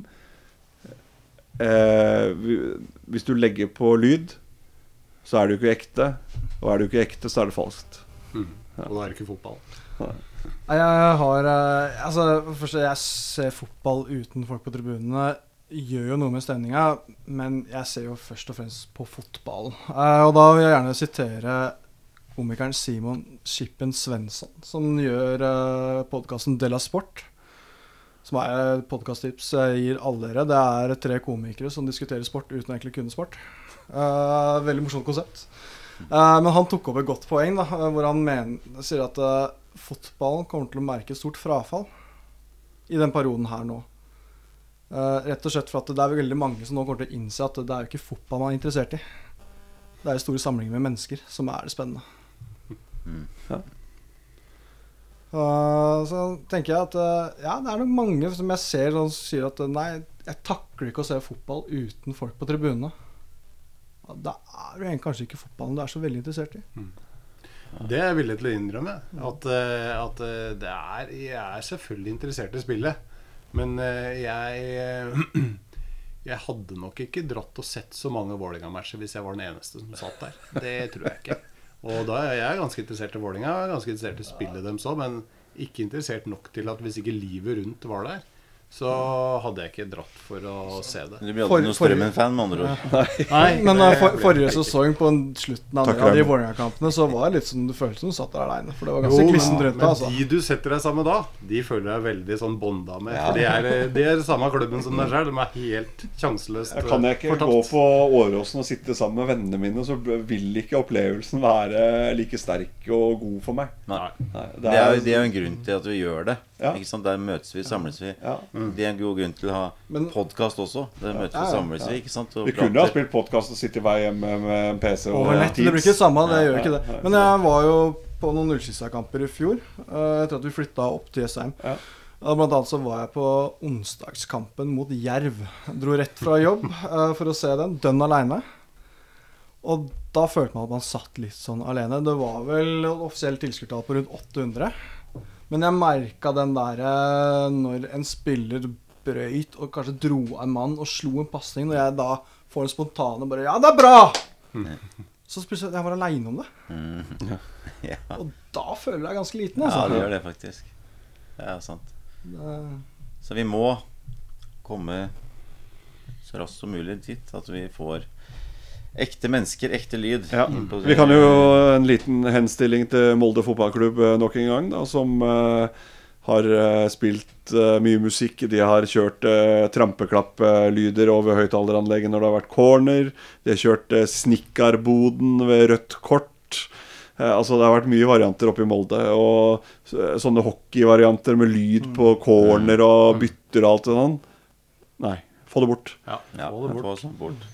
Få bort. Få bort, eselet med sånn kjerre med sånn band på Lerkendal. Og Ja, det kjørte stemmer, vi, ja. Eh, vi skal nå over til en fast spalte, så skal jeg prøve, da. Jeg kan ta det herfra. Og så skal jeg, Fra telefonen min så skal vi se om det blir lyd bra nok ut på podkasten. Skal vi se. Uka. Vi prøver igjen. Prøv igjen. Brev fra Christian på Kløfta. Hvis dere ikke hørte det, så ble det altså sagt 'Ukas brev fra Christian på Kløfta'. Ja, det er hyggelig. Det er hyggelig. Vi har fått et uh, langt brev ja, datert uh, 27. mai til uh, Tribuneprat. Jeg eh, leser. Hei, Tribuneprat. Vil takke for en opplysende og underholdende pilotepisode der dere tok for dere utfallet av Eliteserien i år. Synes det var høy faglig kompetanse på programmet, men jeg stusset litt over at pressen skal ha skylda for interessen rundt norsk fotball. Bør ikke spillerne og klubbene ha ansvaret for det? Vi trenger flere profiler som Alan Sinjo, Daniel Nanskog, Nikki Bille og Pascal, og Pascal Simpson og Tobias Gran. Synes jo Synes jo som dere at det var gøy at Niklas Bente gikk til Rosenborg, men det ble jo dessverre ikke det helt store. Synes det er på tide at spillerne bruker toppserien, eller altså eliteserien, toppserien er en annen variant, eh, som et utstillingsvindu. Tror det, tror det vil føre til fulle tribuner og bedre dekning. Savner også trenerprofiler som Ivar Morten Nordmark og Trond Solid. Har dere noe godt tips på hvem som blir assistkongen i Obos-ligaen i år? Gleder meg til nytt program. Med vennlig hilsen Christian fra Kløfta. Her var det mye å ta tak i. Ja. Først så vil jeg da sende en liten ball tilbake til eh, Christian. Da. kanskje neste ukes uh, spørsmål. Altså, Hva mener han med at spillerne på toppnivået skal bruke Eliteserien som et utviklingsvindu, eller hva det sto for noe? Utstillingsvindu. ja. Ja, er det ikke bra nok? Nei, altså, Hva legger han i det, da? Mm. Altså, skal man Altså, jeg tenker jo det er det man gjør i Eliteserien. Iallfall sånn fotballspillmessig, liksom. At det, er et utstillingsvindu. Mener han at man skal bygge merkevaren eh, Pål André Helland med å stille opp liksom lettkledd i Se og Hør, eller begynne å selge sokker eh, med navnet sitt på? Er det det han tenker på? Det kan være neste ukes spørsmål. Eh, og så kan vel Raymond få lov til å svare på spørsmålet om medias interesse rundt norsk eliteserie. Ja, nei, jeg tok jo opp det forrige gang. Jeg syns jo at det er for dårlig, dårlig dekning da, av, av Eliteserien og norsk fotball generelt. Det handler stort sett om eh, saker type Vegard Forren eh, han- Liverpool. Han, ja, det Det er er Liverpool. selvfølgelig, selvfølgelig engelsk fotball, men eh, hvis det er norsk fotball, så handler det ikke om fotballen. Det handler, handler ikke om, eh, om den spilleren som briljerte. Hvis han gjorde det, så handler det bare om at han skal til utlandet. Det er kjedelige saker. Så jeg mener at pressen må på en måte være med og skape disse profilene. da. Det er ikke sånn at vi bare kan få en profil, og så er det gjort. Vi, de, pressen må jo hjelpe til med å skape noen profiler. Eh, vi, Er det- er, i podkasten her vi, vi vil fremsnakke norsk fotball. Vi vil få frem profiler også, ikke sant? Så Ja. jeg føler det er litt vår jobb. Vi skal Underveis i året så skal vi sannsynligvis diskutere spillere vi aldri har prata om før. Og prøve å få dem fram, fram og i godt lys. Og det er det jeg mener med, med, med dette her, da, Christian. Er det at eh, vi, vi må kunne forvente at f.eks. Uh, VG, da, som vel er med og sponser uh, Ja, samarbeidspartner til ikke sant? At de må, de må gå ut litt bredere og ha litt større dekning av fotballen i vårt hjemland. Ja. Eh, og i, i det så ligger det da å prøve å skape blest skape de profilene som du Profilene er der. For de vokser ikke på trær. Ja, men de er der. De er der. Er, Ja, det er der. bare å gi de spaltemeter. Yes. Ja. Så, så, så det er det, det jeg tenker litt på. At, og at det ikke bare skal være et sånn utstillingsvindu for at, at man skal ut, men at, at vi skal på en måte kunne skape et produkt og ha gode spillere også her i landet. Kunne beholde de litt lenger også. Ikke bare ut 17-18-19 år med en gang fordi du har fått eh, en liten spalte i VG. Skår to mål i en kamp, og da skal du til utlandet. skal du ut. Ja. Her, var har Philip Delaveres Møller i som et eksempel. Ja. Han var god i et par matcher. Så ville han ikke ha Og da fikk han skryt. Da var de litt flinke i pressen. Men så skjedde det et eller annet. Ville ikke ny kontrakt. Så det bare tull, og så stakk han. Og da, han kunne vært en liten profil i årets eliteserie, men det ble det ikke.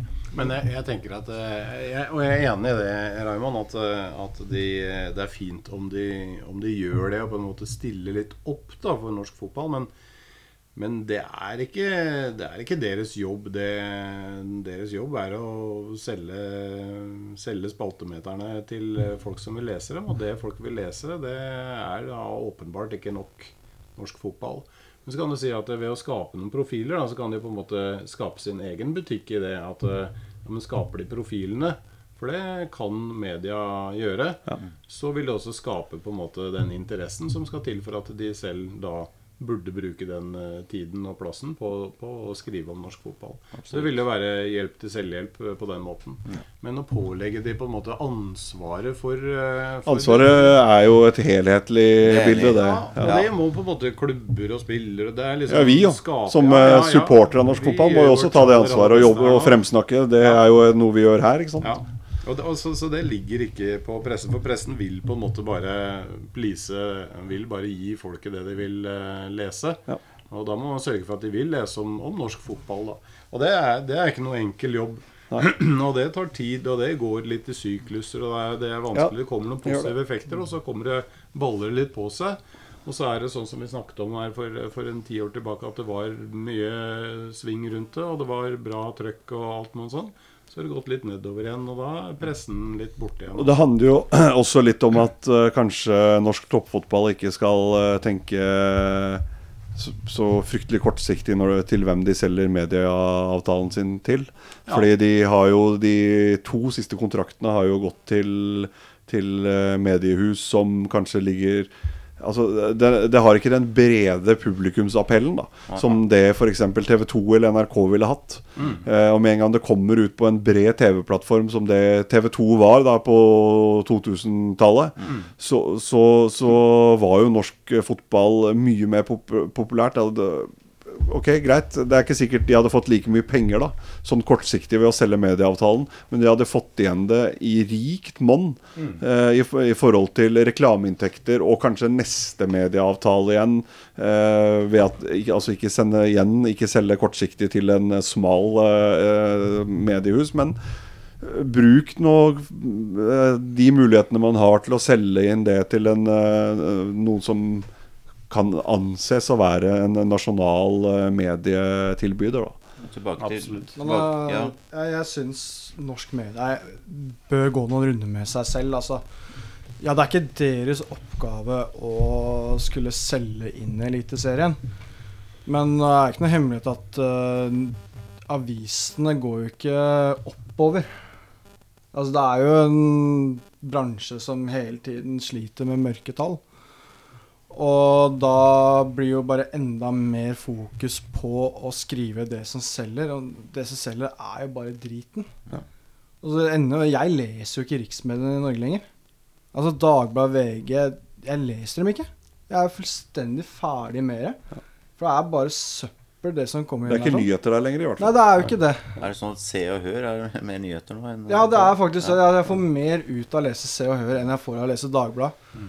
Men jeg syns også Altså, du nevner at uh, TV-bransjen ikke har gjort det. Altså, jeg syns uh, det man serverer, altså Eurosport, Discovery med Eurosport, som ikke er forplikta til å vise så veldig mye annet, som står fritt til å lage sine egne programmer, gjør ikke nok rundt dette her. Det man skaper av programmer rundt der, er så forenkla. Det er så altså, Det er så stressende. Ja, ja, er- altså, er så. Den går ikke i dybden på noe som helst. Og jeg skulle ønske at Altså, jeg kan ikke et ord tyrkisk. Men ett av mine favorittprogrammer Det er et program på Bean Sport Tyrkia. Som, eh, det er to karer som sitter i et studio og prater taktikk i den tyrkiske ligaen. Ja. Men de er så beskrivende. altså gode, detaljerte bilder, at jeg får mer ut av det enn hvilken som helst norskprodusert fotballsending. For det er så Den tar liksom utgangspunkt i at alle er helt blå, så at det er første gang de ser fotball. Men, det, men det, da, da er du inne på en eller annen sånn greie som jeg mener, Fotball styres av eh, Det er markedsøkonomi. Ikke sant? Det er det det handler om. Det er penger hele veien. Eh, å lage lange programmer, smale programmer til et veldig fåtall mennesker, det er ikke noe penger i. Så, så idet vi på en måte mista eh, Ja, men Problemet er at de skaper jo Hadde de lagd det, da, så hadde du appellert til liksom en viss Ja, men da hadde du appellert til noen mennesker som da i tillegg kunne sett på noe av det programmet. Da ender det med at de ikke ser på noe av det. Så da mister det du er en masse der, da. Det er godt mulig du har, du har rett i det, Kristian, men, men det er alle ting tyder på at de som sitter og styrer de penga, og som gjør de vurderingene, og de gjør dem antageligvis ganske døye, for de legger ganske mye penger i det. De Analyse? Ja, nei, ja, det ligger ganske mye penger i sendinger. Ja, ja, sånn, ja. Ikke Ja, sant? ja. Det, å, å, å kjøpe rettighetene er sykt dyrt. Det koster masse penger, også for norsk fotball. Ja. Det koster masse penger At de sitter og sløser bort de pengene på liksom Nei, faderen, skal vi lage noe sånne tabloide greier istedenfor å ha dybde og alt mulig sånn? Ja, men de gjør det fordi de veit utmerket godt det er det som selv er det de får igjen penga sine på. Å lage, lage program for sånne som oss, det er det ikke mye penger i. Dessverre. Men eh, bare ett program da som jeg savner veldig. Mm. Eh, som var, som eh, var på mandager på TV 2. Matchball mandag. Mm. Eh, det tok ikke for seg analyse og sånn, da men eh, det tok for seg Hendelser. eh, ting, ja. og, altså, altså, ja, Det var en time om eh, det som hadde skjedd i norsk fotball i helga. Jeg syns det var helt fantastisk. Mm, Fordi meg det, eh, Apropos det å bygge profiler, da, så var jo et sånt program helt magisk for det. Så hadde du Erik Thorstvedt. Han var helt fantastisk i den rollen der. Ja, ja. Og det er også veldig lettbeint. Ja, Og- ja, det er lettbeint. Det, det, du blir jo ikke fotballklok av det, men du bygger interesse. da ja. Og det er jo sånn som mora mi kunne ha sett på, for det var, det, du bygde litt humor inn i det også. Men NRK hadde jo Bakrommet, Ja. som jeg følte metta ganske mye. Altså dybdeprat. Altså du kunne ta en enkeltsak og diskutere den uten å måtte stresse. Nå var heldigvis NRK, da, så måtte ikke stresse med en reklamesending. Eller noe sånt. da. Men hvis du ser på når det er turneringer, altså EM, VM, så ser du stor forskjell på norsk- og svenskproduserte sendinger. Svenskene går for dybdegreiene. Ja, det, det, det har de tradisjon for. Tyngde. Altså det er faglig dyktige folk. Mm. Og jeg har siden 1994 utelukkende sett svensk TV på alle mesterskap. Jeg har kanskje switcha innom norsk for å gi det en sjanse. Og etter fem minutter vært over på svensk TV igjen. Og det er eh, 1994 er altså mitt første mesterskap. Da var jeg seks år gammel. Og siden da så har jeg kun sett svensk TV når det er mesterskap. S- Svenskene hadde jo noe fast etter eh, allsvenskarundene som gikk på mandag, som het Fotballskveld. Som uh, var et uh, både, hva skal jeg si, både lettbeint og analytisk av allsvenskarundene. Eh, de kjørte en sånn klassisk norsk eh, eh, fotballrunde på, på søndag, hvor de tok måla kjapp, kjapp.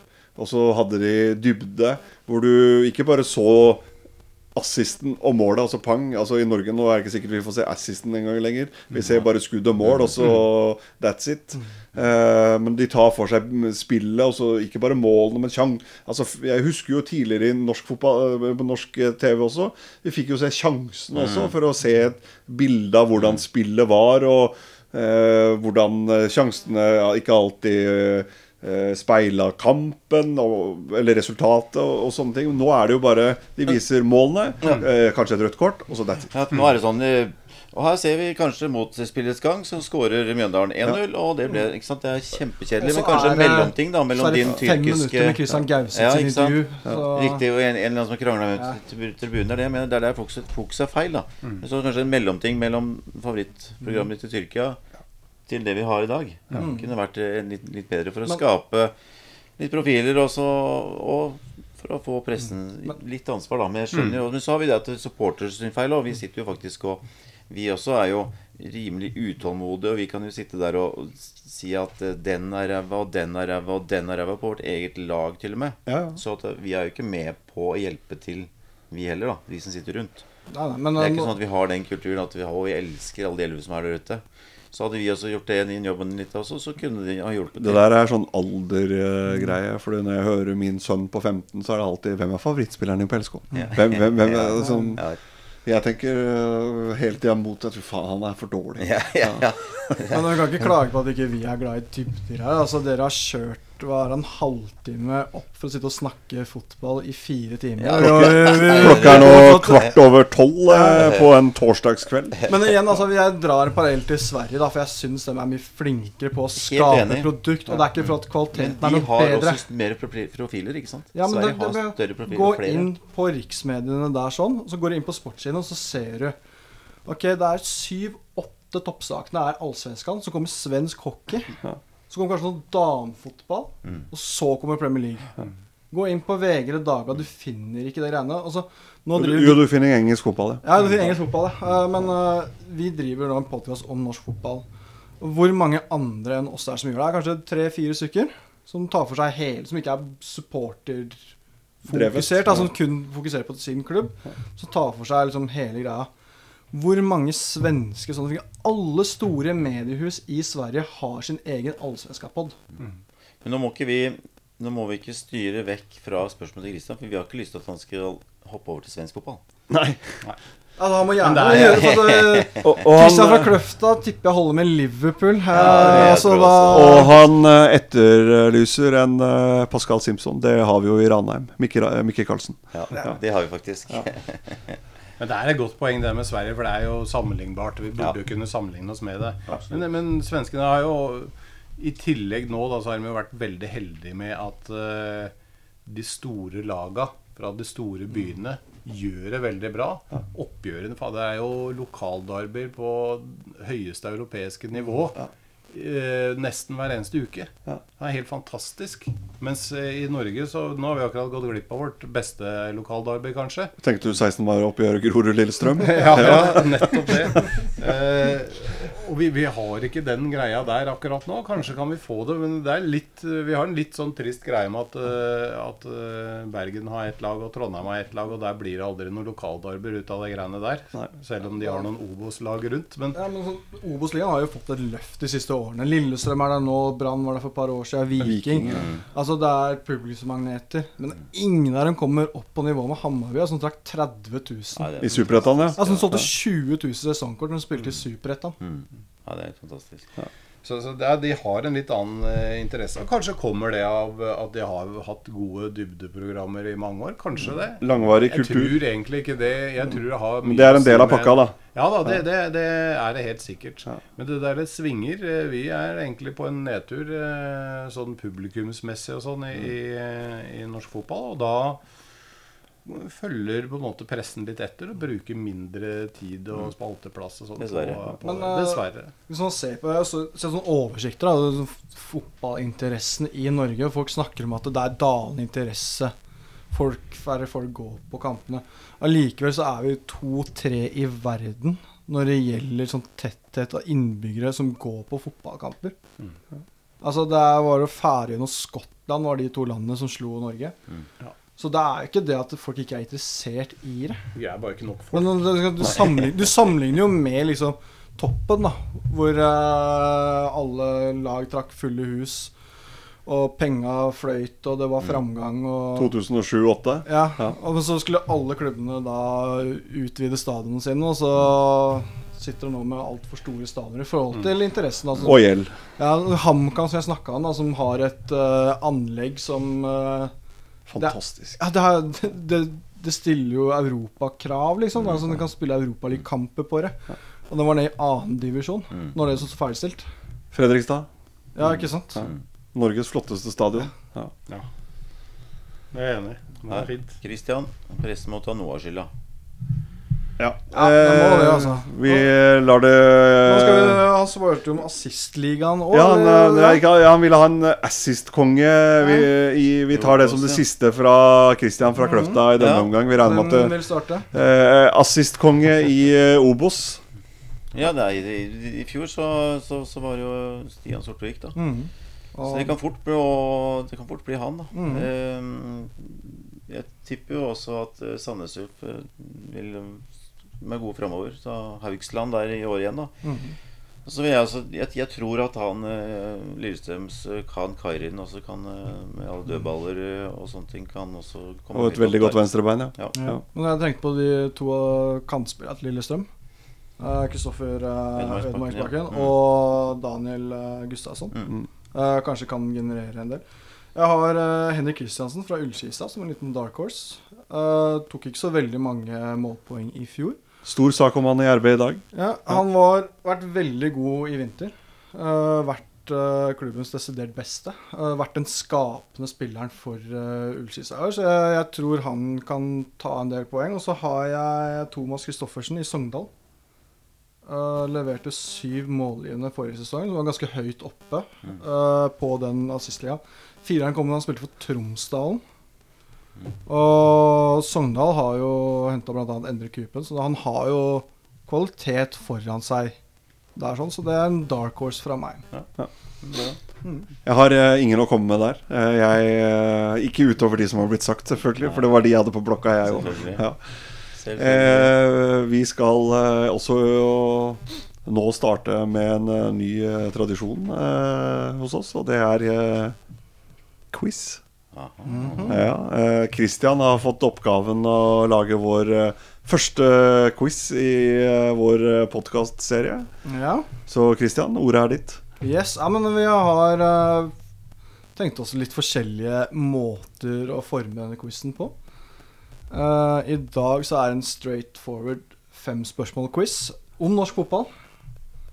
Jeg har fire helt vanlige spørsmål, og så har jeg én som er da Hvem er jeg?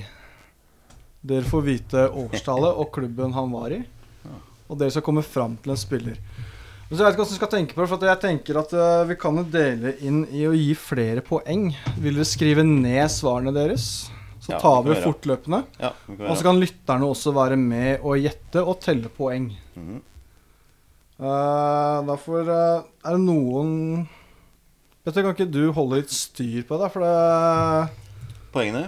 Ja, Sånn eh, vi, så hva vi som kan gi uh, forskjellige typer poeng. Uh, Jo, da er jeg eneveldig hersker over Ja. poeng. Ja. Vi begynner da, spørsmål 1. Mhm. Den 13. juni 2000 spilte Norge sin aller første kamp i EM for herrer noensinne.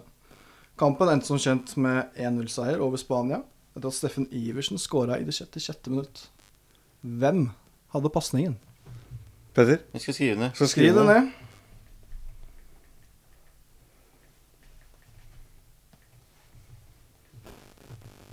Svar avgitt. Svar avgitt. Svar avgitt. Yes. Spørsmål to. Jeg glemte å si at den første den gir ett poeng. Ett poeng. Spørsmål to gir også ett poeng. Hvilken tidligere landslagsspiller ble i 2005, ett år etter at han la opp sin aktive karriere, manager for det norske metal-bandet El Caco? Som for øvrig spiller på Martins eh, hver romjul i Ja. Lillestrøm. Mm. Ute til sponsor nå, eller? Til podkasten? Martins? Ja, en liten produktplassering der. Neste spørsmålet, den kan gi opptil seks poeng. Oi, Oi, oi, oi, oi, oi, oi. Yes. Nevn seks spillere, da. På 90-tallet nådde norsk fotball enorme framganger internasjonalt. Både med landslaget, men også med klubblagene. Blant annet hadde man to lag som spilte kvartfinale i cupvinnercupen. Hvilke to norske lag nådde kvartfinale? Hvem møtte dem i kvartfinale? Og hvem slo dem ut i runden før? Hvilket år sa du nå, sa du? Jeg har ikke sagt noe. Jeg har sagt det er 90-tallet. Dere skal finne fram til de to norske lagene som spilte kvartfinale i cupen i cupen. Hvem de møtte i, cup, i kvartfinalen, og hvem de slo ut i runden før. Det er sikkert superspennende for lytterne å sitte og høre på. At uh, det sitter og trykkes Ja. på noen skjermer rundt omkring her. To lag? To lag nådde kvartfinalen i cupen i cupen. For herrer? Jepp. Jeg kom på ett, Ja. men ikke to. Da gjetter man. Ja, det er det jeg gjør på alt her nå. I cupvinnercupen. Ja.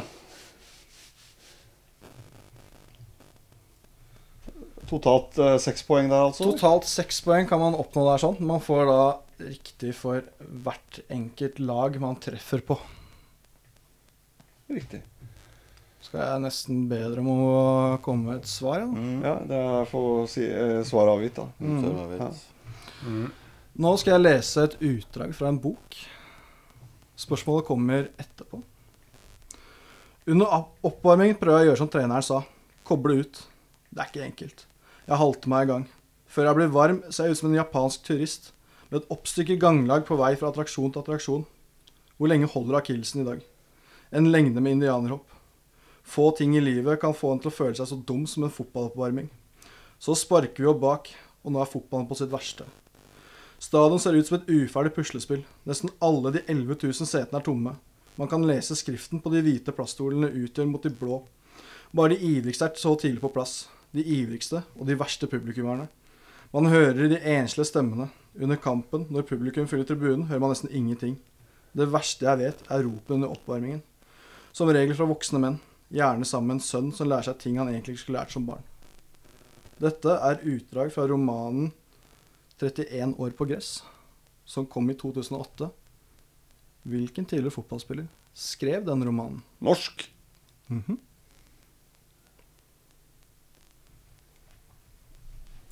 Tikk, takk, tikk, takk. Ja. Yes. Jeg bare gjetter, jeg. Ja. Er det ett poeng, eller? Den uh, når den skal du få to poeng, altså. To poeng. Ja, du får en bonus på den. Ja. Og så kommer spørsmål fem. Det er en 'Hvem er jeg?' ja. Jeg leser årstallene, hvilken klubb vedkommende var i. Dere skal fram til spilleren. Okay. Denne gir tre poeng. 1995 til 1999 Molde. 1999 til 2003 Wimbledon. 2003 til 2005 Aalborg. 2005 til 2008 Brøndby. Hvem er jeg? Molde, Wimbledon Aalborg og Brøndby. Jeg har, jeg har ansiktet hans for meg, for meg men eh, jeg klarer ikke navnet. Altså. Faen. Er poeng bare å huske fornavnet, eller? Nei. Nei. Jeg skal gi deg, Hvis du får enten fornavn eller etternavn riktig, så får du ett poeng. Ja, greit. Helt navn gir uh, tre. Ja. Mm. Er dere i mål, gutta? Ja. Ja. Spørsmål én. Hvem hadde den målgivende pasningen til Steffen Iversen mot Spania i EM 2000? Petter? Thomas Myhre. Raymond? Det var sikkert det det var, for jeg trodde det var keeper, men jeg kom ikke på, så jeg skrev Bjørnby. Jeg skrev Heggem. Riktig svar er Thomas Myhre. Mm, jeg husker det var keeper, men jeg kom ikke på meg. vet. Spørsmål to var hvem som i 2005 ble manager for metallbandet El Caco? Skal jeg si? Dan Eggen. Dan Eggen. Dan Eggen. Det er helt riktig, det er den krøllete engel, Dan Eggen. Mann som også figurerte i en Donald-reklame på 90-tallet. Yes, og på 90-tallet så hadde man to norske lag i uh, kvartfinalen i cupen i cupen. Noen som har lyst til å prøve seg på hvem de er? Jeg har dem, jeg. Ja. Har dere dem, eller? Nei. Jeg har den ene, men jeg er litt usikker på den andre. Ja, den ene er vel sikkert den du husker av Vålerenga. Ja, Ja, Vålerenga. Eh, som uh, røyk ut mot Chelsea, men slo ut på Siktas. Uh, miraklet der nede med eh, Jon Carew. Mhm. Den andre er eh, Liverpool. Eh, eller unnskyld, Brann. Røyk mot Liverpool, slo ut PSV runden før. Det er helt riktig, det er seks poeng. Null poeng her. Da er jeg tre. Tre. Nå er jeg stolt av meg sjøl. Ja, Det er veldig bra. var- Det er eh, Brann i Den var rå. 1996-97-sesongen. Nådde kvartfinalen etter å ha slått PSV 4-3 sammenlagt. De røyk 4-1 mot Liverpool etter bl.a. 1-1 i Bergen. Tor André Flo. Mm. Vålerenga, som du sa, i 1998-99 slo ut Besiktas også 4-3 i det som er kjent som det virkelige miraklet i Istanbul. Og de røyk da mot Chelsea. Jeg var på den ene kampen. Jeg var egentlig på alle Vålerenga sine hjemmekamper i Europacupen det året. De røyk mot Chelsea 6-2 sammenlagt. Så skulle jeg fram til hvilken tidligere fotballspiller som i 2008 debuterte med romanen 31 år på gress. Og jeg kan også si at vedkommende har skrevet mange bøker. Oi, all Noen som har noen navn? Jeg skrev Halvard Thoresen, men det er Ja. sikkert uh, far-fetched. Ingenting. Knut Nesbø. Arild Stavrum. Stavrum. Som uh, nå nylig var aktuell med boken om Åge Hareide. Stemmer det. Ja. Og spørsmål fem, den kunne da gi opptil tre poeng. Noen som har et navn å komme med? Jeg husker eh, hårsveisen. Ja. En utrolig døll hårsveis. Rett ned, flat. Kli, altså på en måte sånn bolle over ja. panna. Det skal være mye hår, husker jeg. Og midtbanespiller. Ja, Midtbane og stopper. Ja. Uh, mye hår er riktig, ja. Det, eh, husker jeg riktig hvis fornavnet er Trond? Det er helt riktig. Ja. Så kom jeg faen ikke på etternavnet. Det jeg, jeg, kom på Trond jeg, altså jeg, Strande? Nei, Nei. ikke Trond Strande, nei. Det var der jeg stoppa, skjønner du. For det var Strande. Ja, ja, ja. Husker du ikke det? Han, Trond Andersen. Trond Andersen, ja. Ja, Han han dro etter at Ja. eh, han eh, Kjedelige typen, ja. Ja, Han dro etter å ha vært med og kvalifisert Molde til Champions League. stemmer det. Og var, en av, var den eneste av de norske spillerne som kom til Wimbledon, Mm. som dro derfra med et godt rykte. Ja, Eh, fikk også 38 landskamper for Norge, og det hadde blitt veldig mange flere. Hadde i hvert fall måttet legge opp veldig tidlig pga. skade. Men for en anonym spiller, da. 38 landskamper, ingen mål. Husker når du sier det nå. Da fikk jeg ni poeng. Ja, Eh, Lars, hvor mange poeng fikk du? Jeg fikk vel da Oi. Jeg eh, Trodde du hadde styr på dette her. Jeg hadde, da fikk jeg f- det var ett poeng på eggen, eller? fikk eller? to. Ja. Jeg fikk, Ja, fikk jeg fire. jeg fikk ett, ja. Da har du fire, og da har du, Raymond, ett poeng. ett poeng. Ja. ja Hvor mange poeng fikk du på den forrige igjen? Ett? ja, den som kommer om en Ja, den, eh, den eh, Faen. Sånn er det når vi spiller inn. Ja. Men eh, Veldig bra, Christian. Fin Ja. quiz. veldig gjerne høre fra dere lyttere hvor mange poeng dere fikk. Ja, det var hyggelig. Ja. Jeg Eh, håper noen slo mitt ene poeng. Det håper jeg. ja. Ja. Men Jeg Petter håper- var høyt der oppe, tror jeg. Jeg er fornøyd med meg sjøl. Jeg leverte her, og så leverte jeg med Damon Love som uh... Faen, du leverer. Du Det er, vekk. skal vi bytte rolle neste gang? Ja. Da vil jeg vel si at vi er ved veis ende ved denne sendingen. Eh, Å, du, herregud, klokka har blitt mye. klokka er eh, halv eh, ett. Er den ikke det? Natt til Ja. fredag. Natt til vi har nå sittet i studio her i fire og en halv time. Det er ikke verst. Kosa oss. Vi har kosa Ja. oss fælt. Vi har kosa oss veldig. Håper lytter også koser seg når Ja. de hører på. Ja. jeg vil gjerne få lov til å runde av eh, ved å si noen ord. Og det er at eh, du Christian, du nevnte i stad at du ikke kan noe tyrkisk. Nei. Jeg kan to ord som blir til tre norske. Det runder jeg av med, og det er tuppgerde. Og det betyr eh, ballen er rund. Takk for i dag. Vi eh, lyttes snart igjen.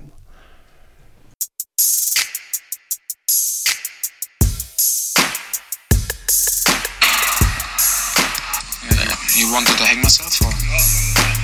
No. Så er det hjernedødt av publikum, og det kan du gjerne sende så mange kanaler du vil og pip når de ikke vet. Det skuffer meg jævlig, men må de faen meg skjerpe seg, så kommer jeg å rive hodet av hver enkelt av dem. Det er en utrolig sterk prestasjon av oss som klarer å tape den kampen her Det er helt ufattelig, rett og slett. Jeg er jævla forbanna. Det er faen meg det er rødt kort! Han er gult kort fra før! Han skal rett ut. Jeg tror dommeren tør å gjøre det. Nei, selvfølgelig. The, the worst I I have seen this season in the Tipper League by launching every ball up to Kovac and hit and hope. Thank you very much.